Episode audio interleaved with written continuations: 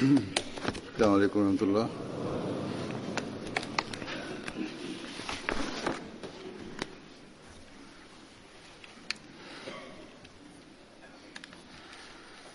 أشهد أن لا إله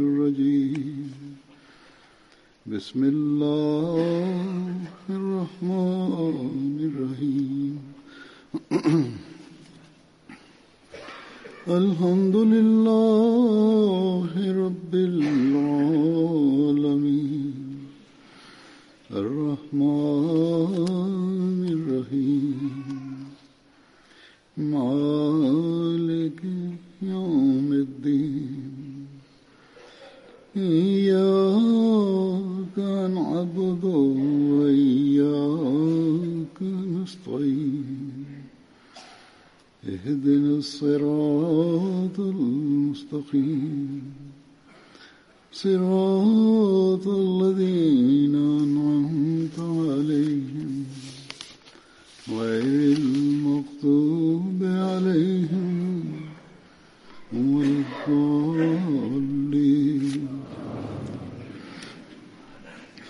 Bismillahirrahmanirrahim. Huzur kaže ashabi časnog poslanika dan ashabi rukaj šta će im se uzuče o njemu nešto reći. Hazret Ukaša se ubraja među vrlo stare ashabe prilikom bitke na Bedru. On je bio na konju i učestvovao je sa svojom sabljom ili mačem i ona mu se slomila. Na to je časni poslanik mu dao komad drveta i oni jednostavno i kao da imao čvrsto gvož u svojoj ruci, tako se borio, ali mu je također dao za to pobjed. Tako da pobjed. I, i sa, skup, časni poslanik skupa sa njim učestvovali su u svim ekspedicijama, vojnim pohodima. I, I ova drvena sablja je bila uz njega do smrti. On je to nadio on. Časni poslanik Salvesene mu je dao radosne vijesti i rekao mu ti ćeš ući u džennet bez ikakvog pitanja. U vrijeme bit, bitke na bedru, oni rekao ashabima, najbolji jahač među nama je, sna, je s nama. I ashabi su pitali ko je on Boži poslaniče, ko je on? On je rekao Okaša. kaša.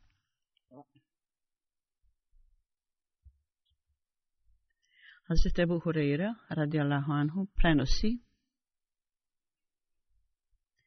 i kaže, ja sam čuo časnog poslanika da je rekao, od mog umeta, grupa ljudi će ući u džennet i bit će i 70.000 i njihova lica će biti tako svijetla kao mjesec 14. noći. Hazret Ebu Hureyre kaže, ukaša, bin misen je ustao sa svojim štitom i rekao, o Boži poslaniće, molim te, čini dove, moli Allaha, da me Allah Đelšanu uključi među ove ljude. Časni poslanik, sallallahu alaihi sallam, je rekao, o Allahu, uključi ovu osobu također među ove. Zatim je još jedan čovjek ustao između Ensara i rekao, o Boži poslaniće, poslaniće, Molim te, moli Allaha, da Allah također mene učinim da bude među tim ljudima. Časni poslanik je rekao, sabakaka okaša. To je okaša ovoj stvari je, ima vodstvo nad tobom.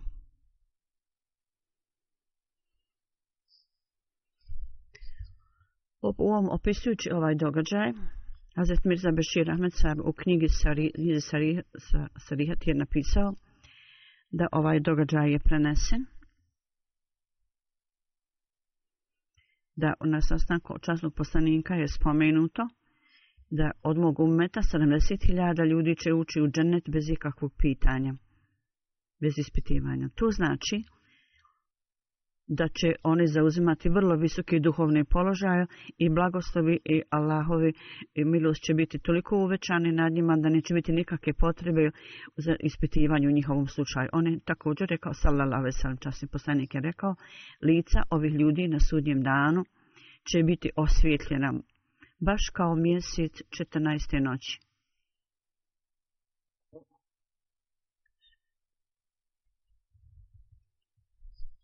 I poslije ovog događaja, Hazreti Okaša je spomenuo i rekao, molim te, moli Allah za mene, čini dove za mene. I on je molio da Allah ga uključi među ove ljude. Na to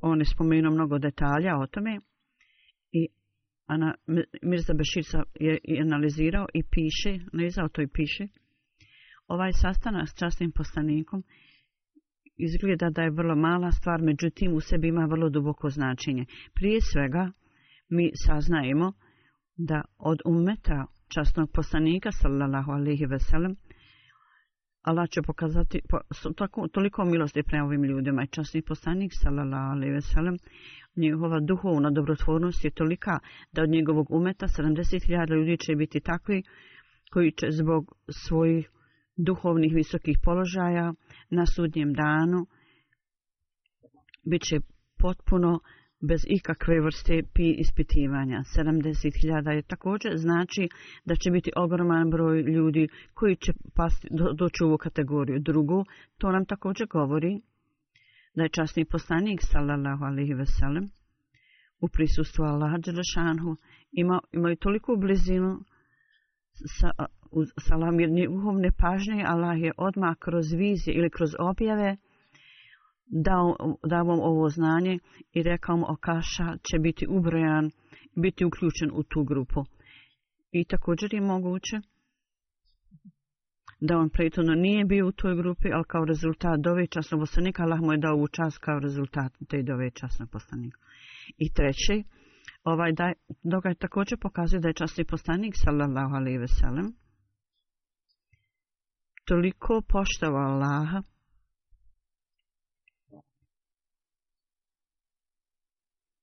i želio je da uveća ovu odliku u svom umetu, da posli Akašiva još druga osoba koja je također pitala za istu stvar, za istu dovu, oni odgovori u pogledu duhovnog položaja.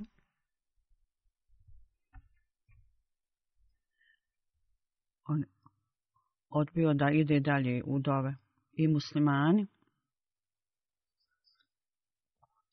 U bogobojaznosti i pobožnosti skrti se njihova pažnja da uvećaju svoj, svoj položaj u tom i kaže se ako posjetite pažnje ovome, onda možete steći ovaj položaj.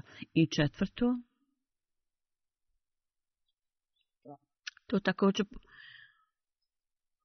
baca svjetlo na dobar moral časnog postanika, salala, olive, salam, jer časni postanik nije po, porekao na način koje bi slomilo srce ovog koji je pitao, nego na vrlo uljudan način, učitiv način, je jednostavno o, odgovorio na ovu stvar. Časni poslanik, salallahu alaihi veselem,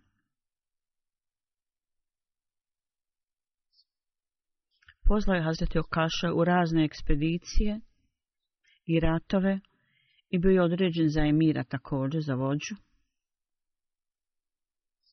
Časni poslanik, salallahu alaihi veselem,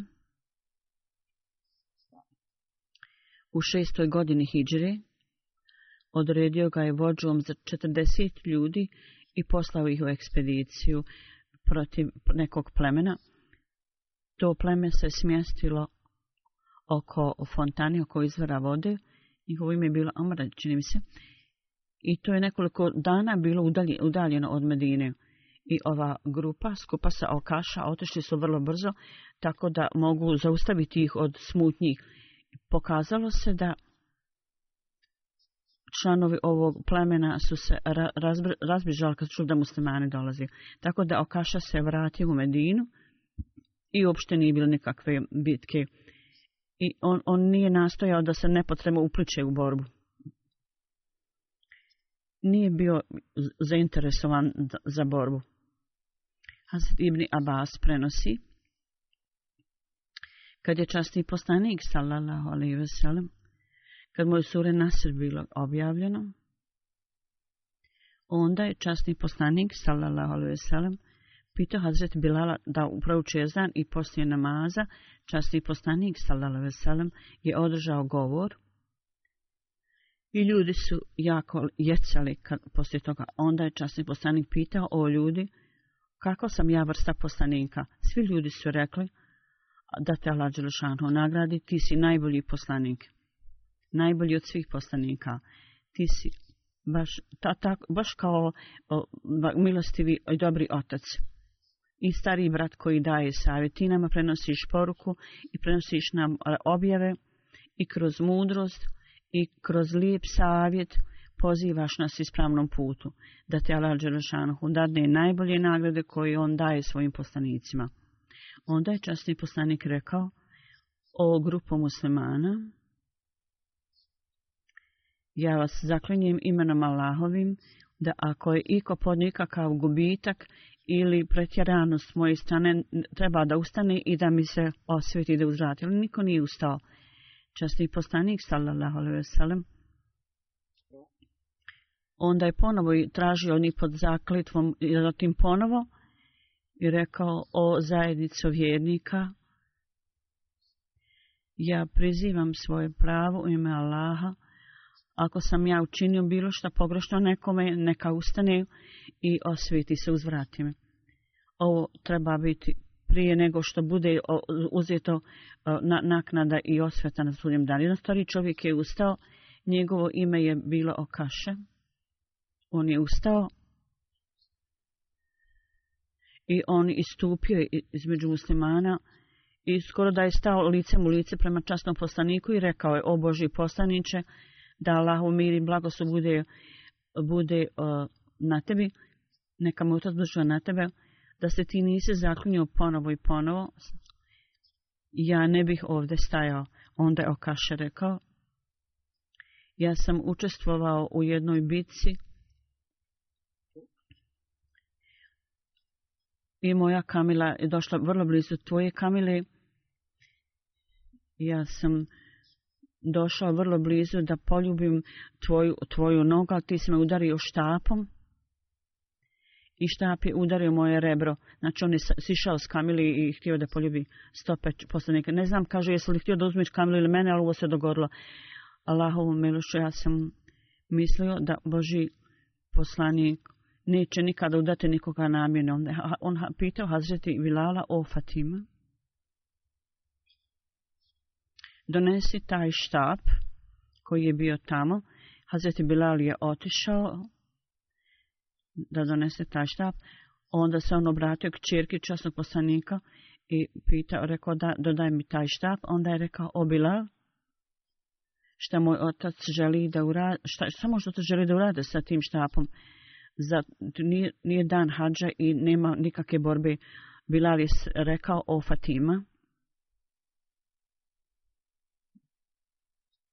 Ti ne znaš mnogo o svom ocu časni poslanik Salam je dobar prema svojim ljudima i on je živa sablja. I on uzima osvjet od bilo ko kako hoće da se osvjeti. Osvjeti mu je bilo jako iznenađen i rekla je obila ko je taj ko želi da se osvjeti časnom poslaniku da mu uzvrati.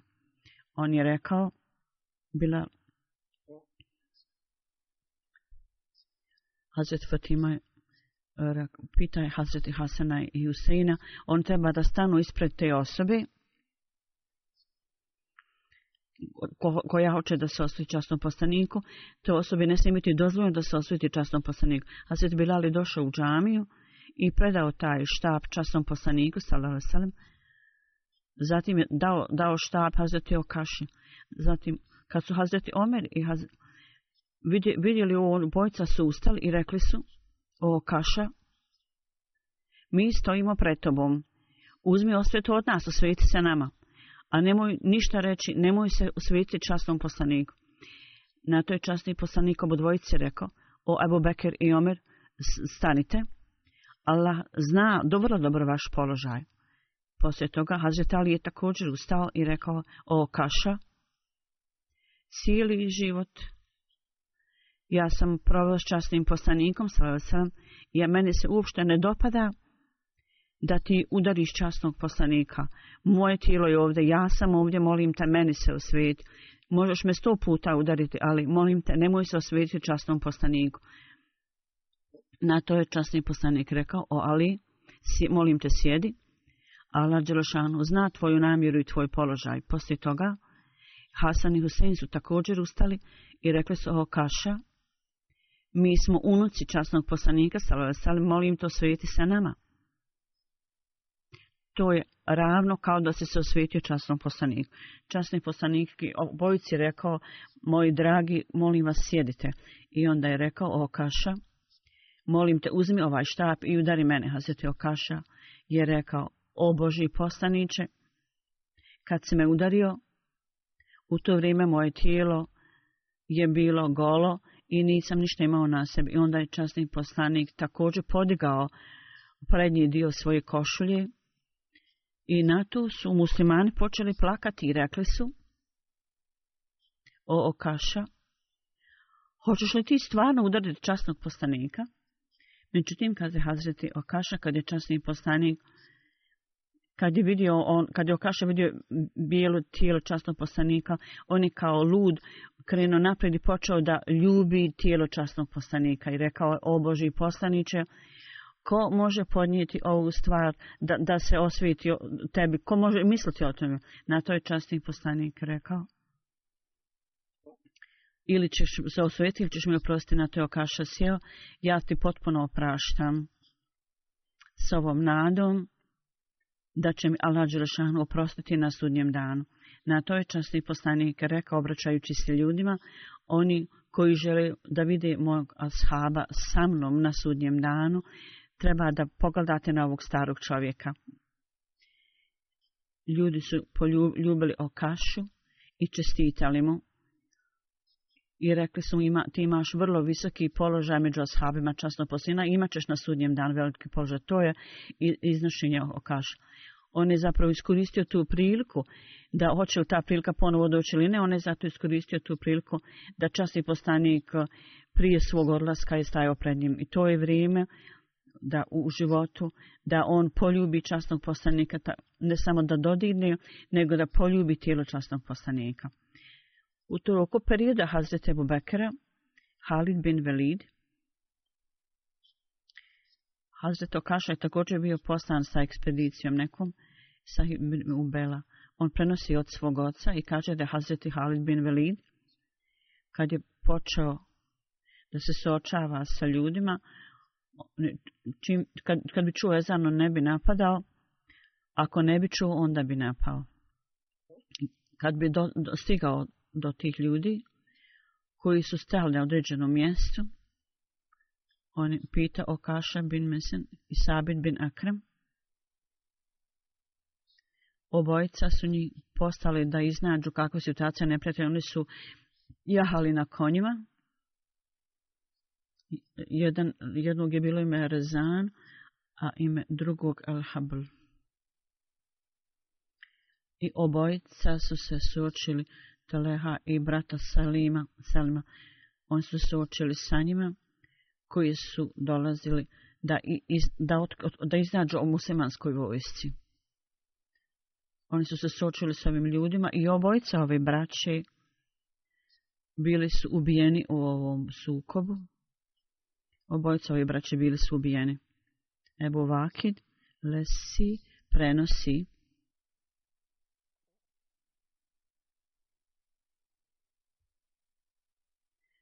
grupa od 200 ljudi su išli, išli ispred i kažemo mi smo stali sa sabitom i okašom i konačno Hazret Halid je došao i pod njegovim na, naredbama mi smo sahranili obojice ovih ubijeni i u njihovoj odjeći natopljenom krvlju i tako su oni stekli položaj šehida.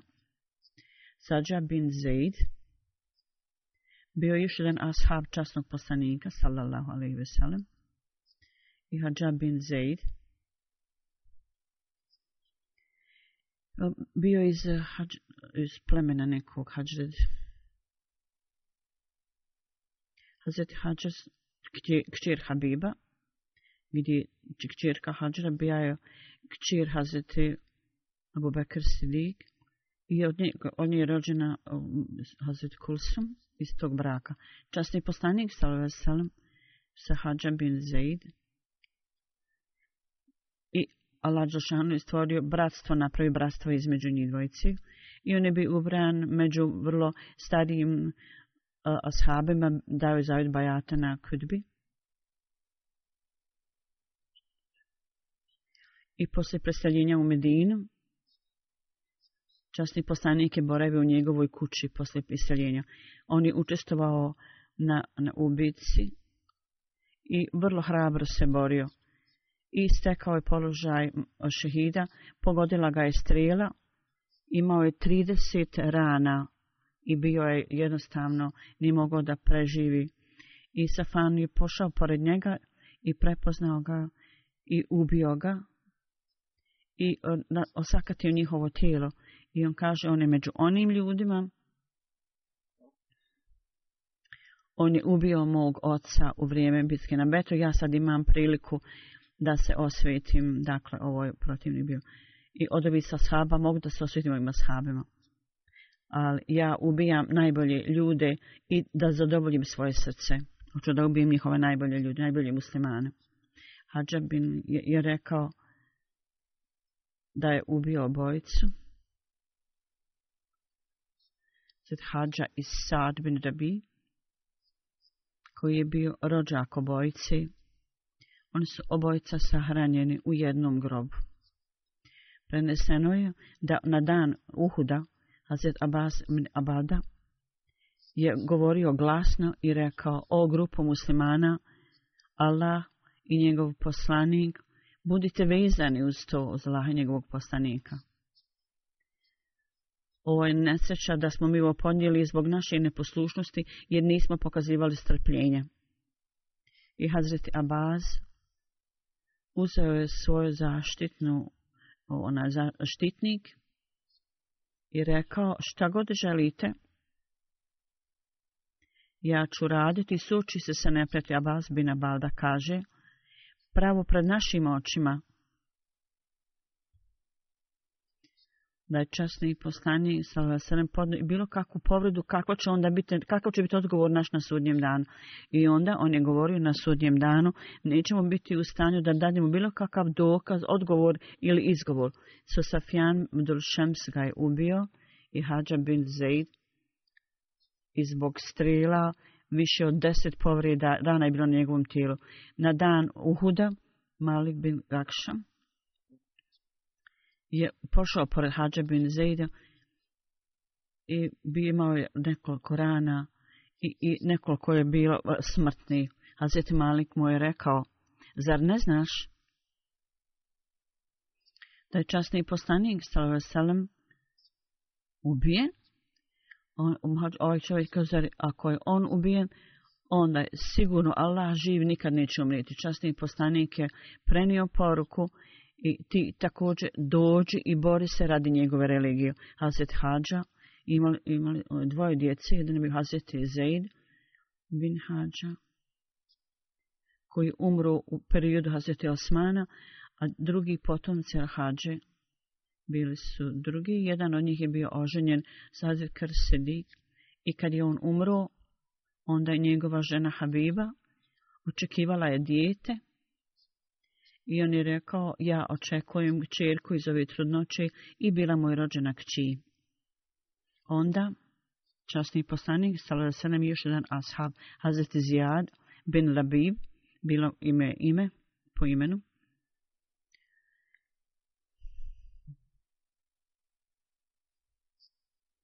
I jedan sin njihov je bio Abdullah, i u prilikom davnja zavjeta Bajata skupa sa 70 ljudi oni su prihvatili islam. I poslije primanja islama, kad je došao na tragu Medinu, među njegovom plemenom, on je polomio kipove ovih svojih ljudi koji su oni obožavali i onda je otišao u Meku častnom postaniku i tamo ostao, boravio tamo. Do vremena kad je častni postanik morao da preseli u Medinu onda je on također iselio se skupa s njim. Nakon što je stigao tamo, čestman je stigao tamo, on je također došao i poznat kao muhađir i seljenik i ansari. Oba dva ova položaje je dobio u isto vrijeme. I u svim ovim ekspedicijama Kazba, Hendek i odra, u drugima, on je bio skupa sa časnim poslanikom, sallallahu alaihi veselam. Časni poslanik, sallallahu alaihi veselam, kad je stigao u Medinu posle iseljenja, i kad je prolazio pored e, oblasti ovog plemena, bio je tamo dobro, dočekan sa dobrodošlicom i on je ponudio svoju kuću za časnog poslanika da boravi. Časni poslanik je rekao, ostavi moju slob, kam, kamilu slobodnom, ona će naći naše odredište. Muharem u, u 19, 9. godini hiđri, časni poslanik je da dane sadako i zekeat, imao je sakupljače da skupi to. Hazreti Zid, Hazreti Mat poslani su u tu oblast. I do perioda Hazreti Omera, on je bio određen za ovu službu. I poslije toga on se smjestio u Kufu. I 41. godine pohiđe on je tamo umro. Spomenuto je u historiji da je u toku period Hazreti Ebu Bekra, kad je ovaj pro problem se pojavio među, prema muslimanima, neki muslimani su napustili islam, i Zaid je poslan da, da se bori sa ovim ljudima, tamo je bila jedna tvrđava, gdje su se ovi ljudi sklonili, Hazreti Zaid je ob, o, opkolio ovu tvrđavu i za njih je bilo to e, bilo onda teško stanje, on je poslao poruku, vi ste dali meni, za, meni zaštitu, dajte meni devetorici nas, ja ću otvoriti onda kapiju. Ja ću napisati dogovor i stavit ću pečat na to. Onda su, kad su vrata bila otvorena, on je napisao imena drugih ljudi, međutim, bilo, nedostajalo je jedno ime, tako skupa s drugim ljudima, onda je on poslan u Medinu. I onda je časni poslanik, salve selam, još jedan tu ashab, Hazreti Motib bin Ubejd. On ima, ne imao nikakvih potomaka, imao djeci. Njegov rođak, Husir, je bio tu i učestvovao je na Bedru i na Uhudu bitkama. I kasnije je bio ubijen. Dakle, ovaj događaj opredike ovako glasi. Deset muslimana su bili ubijeni.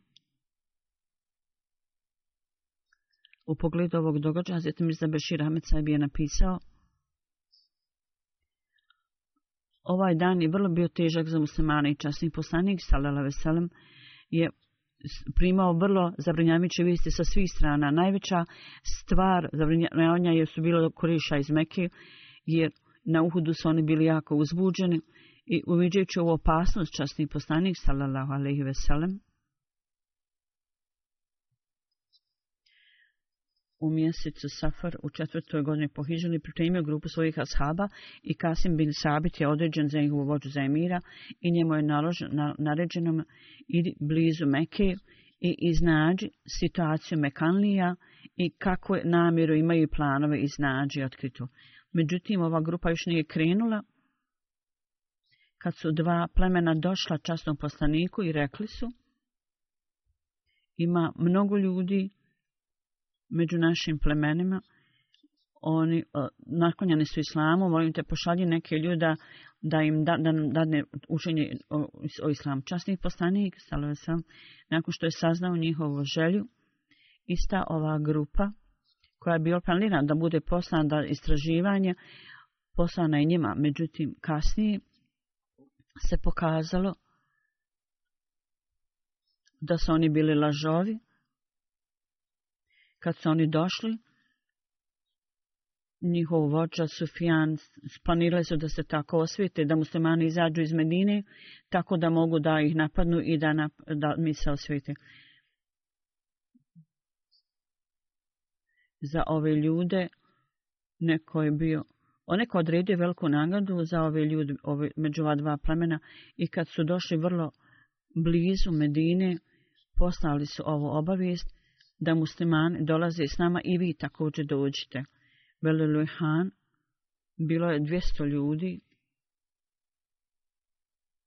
jedan je bio, bili su neki strelci, oni su također došli i određeno mjestu su se susreli i zarobili su muslimane i deset ljudi nisu mogli da se suče sa ovolikim brojem ljudi. I muslimane su bili primorani da se bore kad su bili tako zarobljeni, uhočeni. U svakom slučaju ovaj ashab je došao na vrh brda i bio spreman za sukob.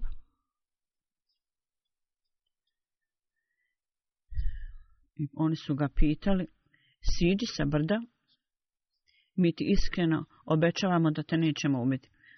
Asim bin Jalahone odgovorio, mi ne vjerujemo u vaše obećanja. Mi ne možemo siđi dole na, siđi dole na vaše o, osiguranje. Onda je uh, rekao, o Allahu, ti gledaš šta se događa s nama, molim te obavijesti časnog poslanika o našem stanju. Tako je Asim, njegove ashabi su se sočili i u toku bitke bili su šehid. Kad je sedam ashaba bilo ubijeno, Osman bin Desena i još trojica od njih ostali su, onda su keafiri zapravo oni su imali namjer da ove ljude žive zarobe i rekli su dođite ponovo, mi vam obećavamo da, vam, da vas nećemo povrijediti. U to vrijeme ovi ljudi su bili prevareni i iznebili su svoje obećanja, oni su sišli, a neprijatelji su ih zarobili onda i mučili in Hubeid i njegovi ashabi, Abdullah bin Tarik, jednog ime, i obojica su rekli, ovo je vaša prva prevara, da kršite obećanje, šta ćete još raditi u budućnosti? Tako da je on odbio. Nevjernici su Abdullaha vukli neko vrijeme na neku razdaljinu i onda su ga tamo ubili i bacili tamo tijelo. Pošto sada njihova osveta bila potpuna, sada da zadovolje Korejšije i s nadom da će dobiti neke pare, Hubeid en Asad došli su u Meku.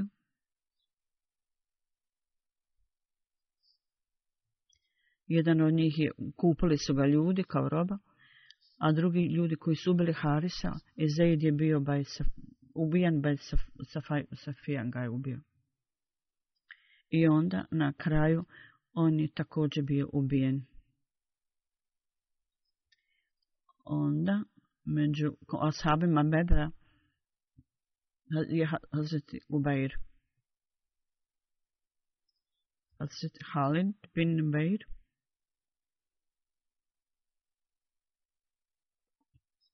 I obojca njih su prihvatili islam i četvorica njih udari Akram. Oni su prihvatili tamo islam. Časni poslanik, sallallahu alaihi veselem, Hazret Halid bin Vakir, Vakair, Zaid bin Desna, oni su prihvatili bratstvo između njih dvojici. Bili su prisutni u Bedru, na Bedru Juhudu i taj događaj spomenut ranije, on je tamo bio ubijen. Događaj koji smo i ranije spomenuli. Časni poslanik, sallallahu alaihi ve sellem, prije događaja Bedra, jedna, neko je bio poslan u ekspediciju Siriju, bio je poslan plemena Koreš, Halid je također bio među njima, Ovo je bil, on bio 34 godine, Asim bin Sabit, en Mersat bin skupa sa njim. On se borao svojim ljudima i bio ubijen. Ibn Sad piše o ovome i kaže, kad je Kabila bin Asari krala, kad su došli, stigli na određeno mjesto, određenu tačku, što je bilo ime o fontane Zoveire, kako. Ovo je mjesto i Uzeil, Uzeil. I blagodati je džaz. Ovi ljudi su izdali muslimane, ljude koji su ih tamo odveli.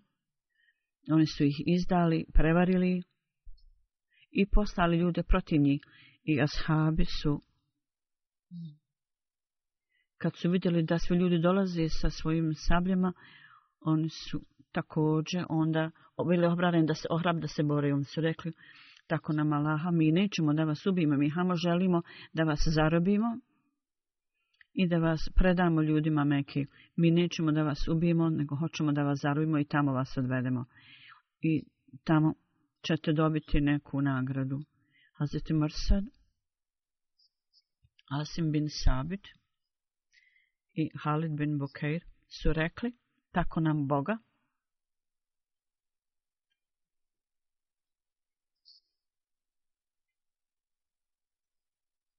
Mi ne ulazimo u ove odnose sa nevjernicima.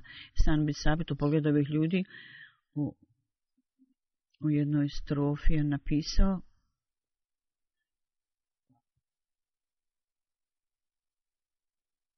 Značenje, značenje ovoga je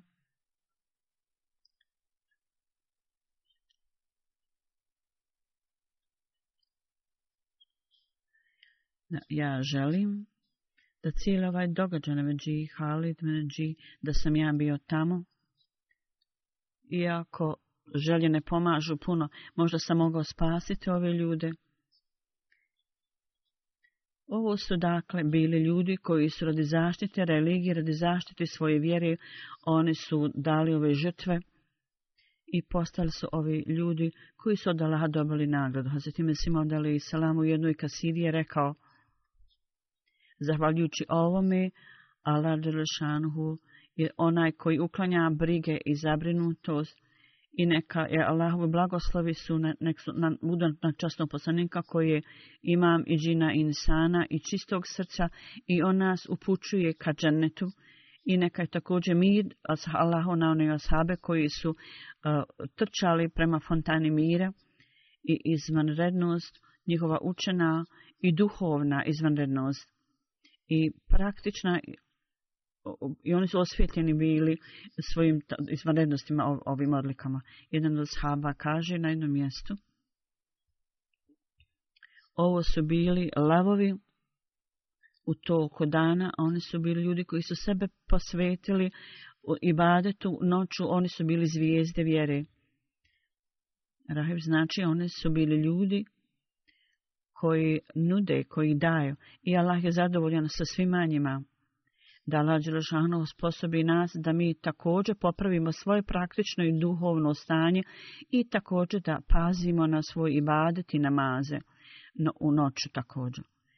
Posjeđu me namaza, ja ću klanjati dženazu, četilo odsutno, Karm Ismail Maleka Sahab. On je bio misionar u Ugandi. 25. maja, prije džume namaza, imao je e, srčani udar, vjerovatno. I umro je sa 64 godine. I nali lahve i najlih rađim. Ismi Magagala sahib. 1994. 1954. bio je rođen, njegovi roditelji su bili kršćani, on je rođen kršćani, Bati Malagana sahib, Hadži Šoab Nasira sahib, kroz njega je on, bi, on bio punac ove osobe, tako da je Hadži Šoab sahib imao priliku da ode u njegovu familiju i kroz Hadži Šoab sahiba on je pokazao zanimanje za islam i posle dugog perioda nastavilo se pitanja i odgovori i posle toga postepeno je istina islama mu postala jasna i 78. je dao zavid Bajata i postao musliman. Tako kad je primio islam, Hadži Šoab Nasira sahab je mu je spomenuo i rekao, moja želja je to bila od djetinstva da postanem kršćanski misionar. Sada kad sam primio islam, je li moguće da ja ponudim svoje služenje islamu? Rečeno mu je da, možeš posvetiti svoj život služenju islama. U to vrijeme Muhammed Karli Sahib, koji je bio amir džamata u Ugandi u to vrijeme, poslije studiranja džamija u Rabvi, džamija Ahmedija, i kad je to završio, stigao je u Ugandu ovaj čovjek. 1980. skupa sa pet drugih mladih u dan poslao ih je u Pakistan i decembra 98 on je upisan u poseban razred i 88. je završio obrazovanje i u toku tog perioda u školi džamija direktor u to vrijeme Sejdina Sirsaheb napisao je u bilješkama o njemu u pogledu ovih ljudi zapravo u, u obrazovnom smislu oni su slabi međutim vrlo su predani i vrlo ponizni i od ibadeta vrlo duhovni ljudi. I ovo je njegov način. I on je iskreno pohađao ovo obrazovanje, stice obrazovanje. 94. kad je, 84. kad je, 84. mora da se iseli iz Pakistana, u to vrijeme ove okolnosti su bile teške i vrlo hrabro. On je obavljao dužnost, bio je među ovim ljudima koji su obavljali dužnosti u to vrijeme. I Bešir Ajacajem, sad tadašnji prici, uh, direktor, i rekao, mi smo stali u džami i zajedno boravili, on je bio vrlo pobožan čovjek i bio je predan, I on je bio posebno predan ojbadetom i poslušnosti njegova istaknuta osobina i on kaže, ja sam imao priliku da budem za im, ja sam mnogo puta imao neke odnose s njim, on je bio vrlo poslušan i ponizan čovjek. On je bio jedan član tima koji je bio uključen posebno poslije toga. Poslije završavanja obrazovanja u džami eh, Ahmedija bio u Gandhi za misionara i tamo je radio u raznim džematima kao misionar. I 2007. dva Uganda misionara otišli su u Pakistan i Uganda jezik imao je priliku da pregleda prevod, e, prevode na Uganda jeziku i za tri mjeseca je završio ovaj zadatak. I u toku vremena studiranja u džamiji možda je bio slab u obrazovanju, međutim kasnije je bio vrlo napredan u ovom polju i uvečao je također svoje znanje. Bio je vrlo predan širenju poruke i kroz to je veliki broj ljudi prihvatilo Ahmedijeta. On je dugo potovao na biciklu, radi prenošenja poruke, jedan put je na biciklu otišao, a njegov, odsustvo je njegova žena umrla. I on nima nikako kontakta, kad se vrati iz ovo, svi su znali da mu je njegova žena umrla i bilo, zahranili su je. On je bio vrlo ponizan i uh, jednostavan, cijeli život je svoj posvetio, bio vrlo, ima vrlo ljubazno srce, vrlo saosjećan, sažaljiv čovjek, pazio na siromašne ljude, bio je predan hilafetu i vjerovao je da svaki, svaka naredba kalifa mora, mora biti provedena. Afrikanski misionari, oni imaju, pogotovo ovi koji su posvetili život služenju, oni, svi oni imaju poseban odnos s njim i sa, imaju poseban odnos sa hilafetom predsjednik onda džamata piše, on je bio primjeran misionar, vrlo predan i zauzet u širenju poruke. I uprko svim teškoćama nikad nije pregovarao o, o bilo čemu. I uvijek je bio zauzet u služenju. Poslije prve žene, on je oženio se drugi put i također imao treću ženu. Jedna od žena piše, on je bio vrlo drag i vrlo brižan i uvijek je bio strpljiv i zahvalan Allahu Đelešanu. Ovo su njegove odlike, njegove čerke, kaže naš otac, je bio vrlo ljubazan i vrlo sažaljiv samilostan. I uvijek je pazio na naše potrebe i tražio od nas da budemo predani religiji. I za sebe je ostavio dvije žene i devetaro djeci. Da Allah Đelešanu blagoslovi ga i dadne mu milost i oprosti mu i također da blagoslovi njegove potomke cijelo vrijeme da